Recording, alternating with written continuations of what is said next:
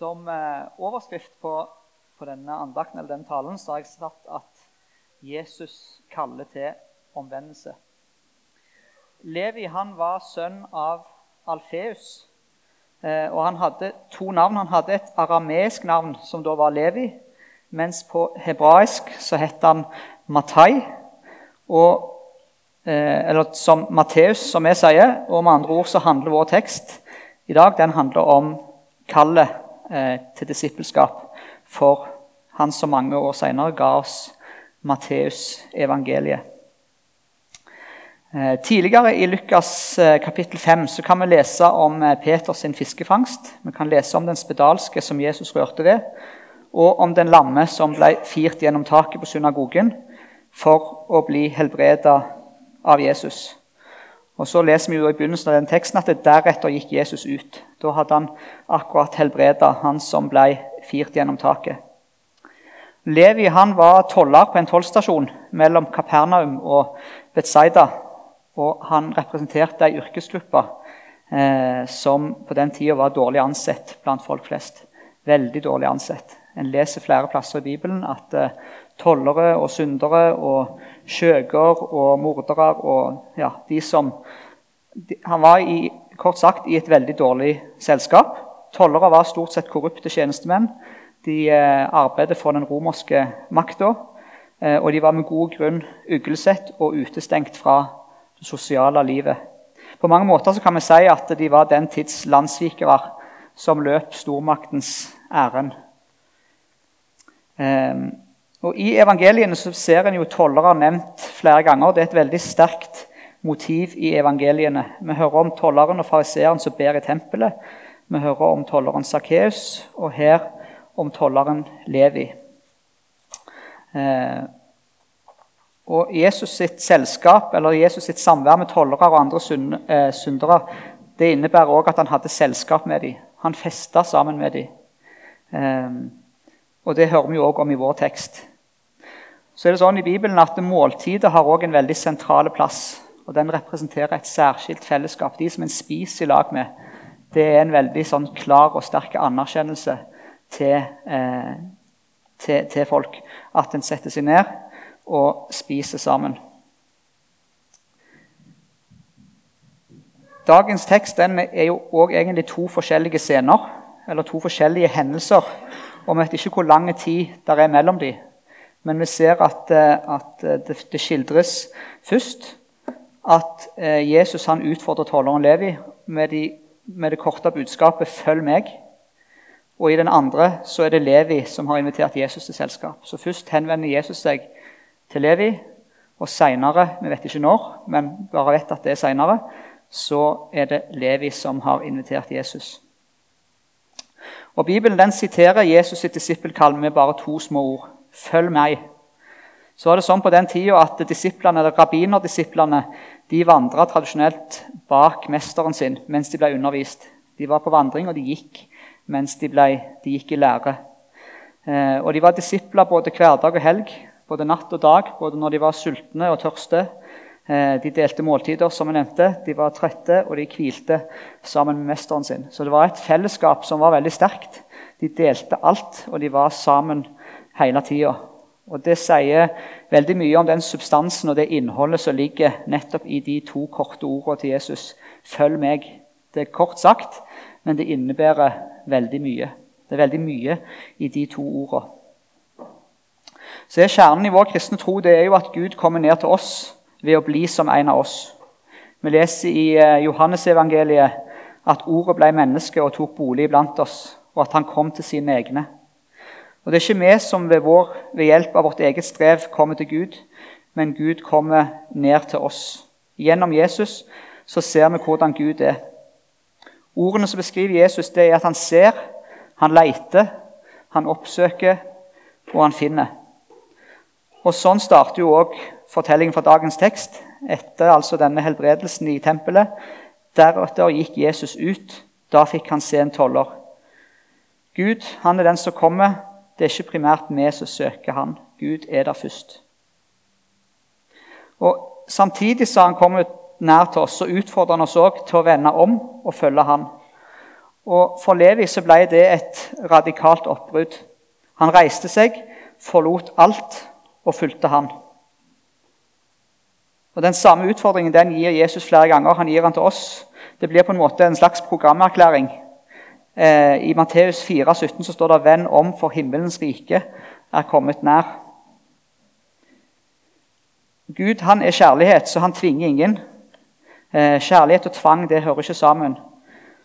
Men han setter oss på et valg, og så er spørsmålet til oss hvordan responderer vi på den utfordringen. Én ting er å være tilhenger av Jesus, en annen ting er å være etterfølger. Det er veldig mange i denne verden som er enige i at eh, Jesus han var en god mann. Han gikk her på jorda, han står for mye bra, han er en historisk person osv. Det kan en si om veldig mange andre òg. En kan si det om Gandhi og en kan si det om moder Teresa. og En kan godt være tilhenger av mange gode folk som har levd opp i historien. Men det å være en etterfølger, det er noe helt annet. Det å legge fra seg det en har, og følge Jesus og gå på hans ord, det blir noe helt annet enn å bare være en, en tilhenger. Så vet vi at en kan vende om eller bryte opp på mange måter. Eh, noen velger å eh, bryte helt opp sånn rent konkret fra det de holder på med. De velger å reise ut som misjonærer eller å, å, å, gjøre et helt sånn konkret nytt valg i livet. At nå skal de gjøre noe nytt. Eh, for de fleste av oss så handler det mer om å og eh, ha Jesus med i vårt daglige virke der vi er, enten det er på skole eller jobb eller eh, i forhold til familie og venner. Eh, så er det å følge Jesus eh, det kan være, En kan gjøre det på mange måter. For Levi så var, representerte det totalt, eh, en total forandring fra det han hadde gjort før. Han valgte å legge fra seg sitt virke som toller og følge Eh, følge Jesus helt konkret og være hans disippel i ett og alt. Eh, og Det blir også sagt at Levi var en veldig ressurssterk person. Han var klok, eh, og han hadde mye kunnskap, og han var flink med språk. Og Sånn sett så, så var han en viktig disippel for Jesus. Jesus kaller altså Levi, og han forlot alt. Han var en synder som ble kalt til omvendelse. Og Her er vi egentlig òg med teksten sin kjerne til og, mest, til og, med de mest utstøtte og frakta, de ble gitt muligheten til å vende om. Og da gjerne med en fest for å markere overgangen til et nytt liv. Eh, og Omvendelse det oppfattes gjerne som en dramatisk engangshandling. Og For Levi så var det sikkert det. Han hadde det behovet for et radikalt brudd. Eh, for noen her inne har kanskje opplevd det samme. Han har kanskje opplevd å bli kristen i, i voksen alder. Eh, og gjerne tidligere tatt avstand eh, fra kristentroa, og således har opplevd det å bli kristen som noe veldig eh, radikalt og som en veldig stor forandring i livet. Mens de fleste av oss har kanskje, husker kanskje ikke engang vår egen omvendelse. Eh, Sjøl ble jeg båret fram til min egen omvendelse. Eh, jeg ble døpt som barn, oppdratt i en kristen familie. Jeg gikk på søndagsskole, TEN-gruppa, senere i kirka, ungdomsforening hjemme på Randaberg, hvor jeg vokste opp. Og Jeg kan ikke peke på en sånn radikal liksom, omvendelse i mitt liv at liksom, den dagen skjedde det. For meg så har det vært mer en sånn Jeg har hatt barnetroa mi, og så har det blitt, så utvikler en seg og blir voksen. Eh, og at det da følger troa og annen livsvisdom eh, og erfaring med på veien. Og så blir det en naturlig, um, naturlig utvikling. Og Sånn tror jeg det er for, for veldig mange.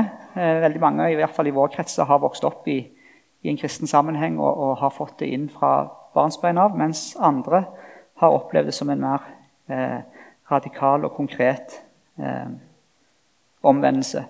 Så vet vi òg eh, sånn ut fra statistikk at veldig mange i Norge i dag de, de døypes som barn. De blir født og, og en har ei eh, kirke som, som eh, i hvert fall veldig mange blir døpt i. Og så lever en kanskje langt borte fra det som skjedde i dåpen, mens andre holder seg nærmere kilden og kalles til en, til en daglig omvendelse, eller ukentlig eller månedlig, for å være mer realistisk.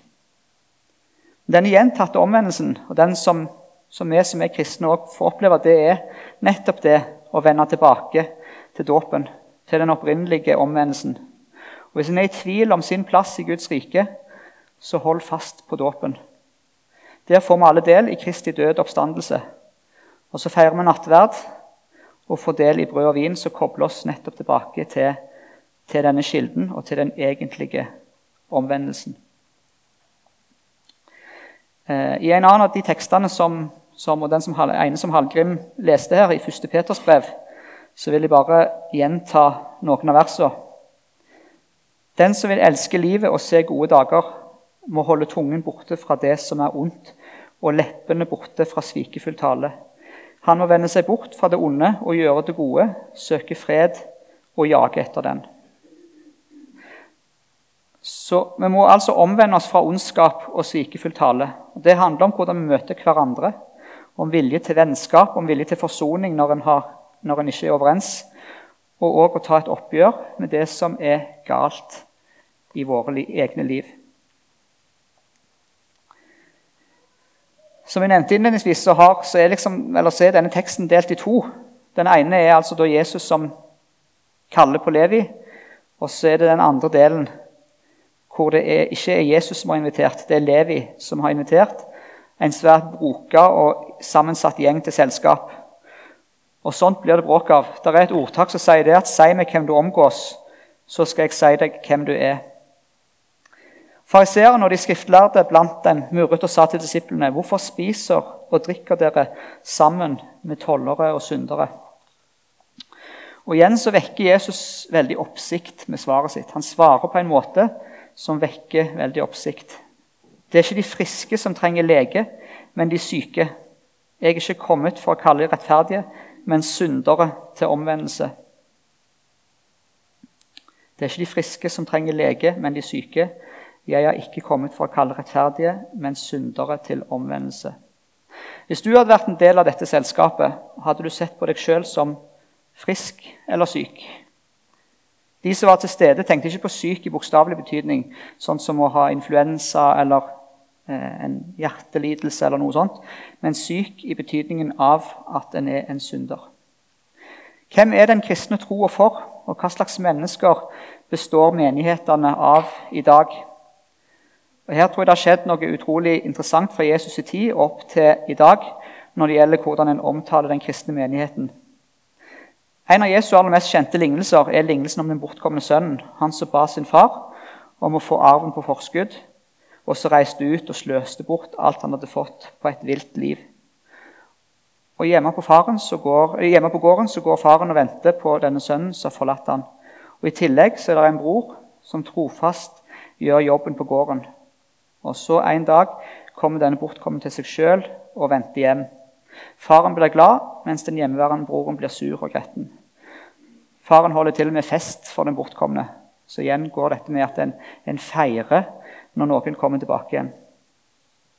Vi som går her i Salem, ser vi på oss sjøl som den hjemmeværende sønnen, eller ser vi på oss som den bortkomne sønnen? Når Jesus fortalte lignelsen, så var jo han et forsvar for de menneskene som han omga seg med. For Han ble jo utfordra på at denne mannen tar imot tollere og syndere og spiser sammen med dem. Da fortalte han dem lignelsen, og her har det skjedd en forandring. Menigheten er blitt frisk, mens de bortkomne det er de som er utenfor. Hvis Jesus var i Salem her i dag, ville han ordlagt seg på samme måten som i selskapet til Levi. Det er ikke de friske som trenger lege, men de syke. Vi har ikke kommet for å kalle rettferdige, men syndere til omvendelse. Eller ville han sagt til oss her inne at dere får ha meg unnskyldt, for her har ikke jeg noe å gjøre. Det er ikke de friske jeg er kommet til. Jeg må ut og finne noen syndere. Som kristen kirke nå tenker jeg på som, som den kristne kirka i verden har ikke alltid stått for en sunn forkynnelse om synd. Det er viktig å ha en klar, og, eh, klar tale om hva Bibelen sier om rett og galt, og ha en etisk eh, og at en skal følge Guds ord og en, eh, å være eh, si, formanende overfor hverandre om hva som er rett og galt. Eh, samtidig så står en alltid i fare for at det kan bli trangt og ensidig hvis det at vi er syndere, hvis det blir alt en har å si om oss. For vi vet at vi er, har en uendelig verdi. Vi er elsket av Gud. Og at den kristne tro den handler mye mer enn synd. Han handler om mening, om trygghet, håp og verdier og fellesskap. Eh, men er vi som kristen kirke stolte av alt vi har gjort? Har vi òg ting bak våre fasader? Med ett enkelt spørsmål så avslørte Jesus en gang hva som var bak fariseerne og de skriftlærdes fasader. Den av dere som er uten synd, kan kaste den første stein på henne. Da gikk de alle bort, de eldste først. Ole Paus han har en sang som heter 'Det begynner å bli et liv'. Eh, kongen siterte bl.a. den når han, ble, eh, når han og dronning, dronningen hadde bursdag. Der er det en, en, strofe i den som lyder Hvem kommer til meg når andre går bort? Hvem blir igjen? Hvem våger seg bak alt jeg har gjort, og likevel kalle seg venn? Levi han hadde en frynsete livsførsel bak seg, både i folk sine øyne og i Jesus sine øyne. Tollerne samarbeider som sagt med okkupasjonsmakten, og de gikk ikke av veien for å stjele av fellesskapet og ta til seg sjøl. Jesus han hadde veldig lite sans for sånn oppførsel. Han var veldig klar på hva som var rett og galt. Og Det var ingen som så tydelig som Jesus advarte mot mammon, mot grådighet og ta penger fra fattige mennesker. Likevel så viser Jesus at han er Levi sin venn. Og Ordene til Levi det er Lukas sin lille bibel. Ordene om Guds store nåde mot oss. Så Det er så lett å definere noen som innenfor og andre som utenfor. Og utenforskap det er dessverre blitt et vanlig ord som også går igjen i mange andre sammenhenger. Vi hører stadig oftere og oftere om det som kalles for utenforskap. Eh, en hører om det i forhold til å være en del av samfunnet og, ta del i de godene som følger av å være en del av et samfunn. En hører om det i arbeidslivet, en hører om det i forhold til flyktninger. En hører om det i mange sammenhenger så hører vi stadig oftere om utenforskap. Her i Norge så tror jeg vi har vært godt skåna. Det er helt klart en, tror det er en tendens her òg som vi skal være veldig oppmerksom på. Men jeg tror særlig i mange europeiske land, sydeuropeiske land så tror jeg at eh, store grupper faller utenfor og opplever det som heter utenforskap. At de ikke er med i det gode selskap. Um, og Det tror jeg er farlig, og det tror jeg òg er noe som Jesus advarer mot. Det at noen skal falle utenfor. Denne sommeren har det vært mye sånn fokus på verdier i mediene. og Vi vet jo at det, om et snau måned så er det valg i Norge. Eh, og Det har vært en diskusjon om hva verdier skal prege vårt samfunn. Hva skal, være, hva skal Norge kjennetegnes ved? Eh, og Materielt sett så tror jeg vi har nådd et metningspunkt, selv om de siste, siste året har, har opplevd litt at trenden har snudd i Norge. Så, så, vil jeg påstå at vi har det fortsatt veldig godt i Norge. Eh, og nettopp da så oppstår diskusjonene om hva, hva skal Norge være, hva skal vi som nasjon være for noe? Hva skal prege oss? Hva skal være på en måte de verdiene som preger vårt samfunn? Og Jeg tror hendelser ute i verden òg viser viktigheten av å definere et fundament og vite hvor en står henne. Og Jeg tror at behovet for en fast grunn og et klart fundament å bygge livet vårt på, det har ikke vært større enn på lenge i dette landet vårt. Og nettopp her har vi som er kristne, vi som er i menighetsarbeid og står i en kristen sammenheng.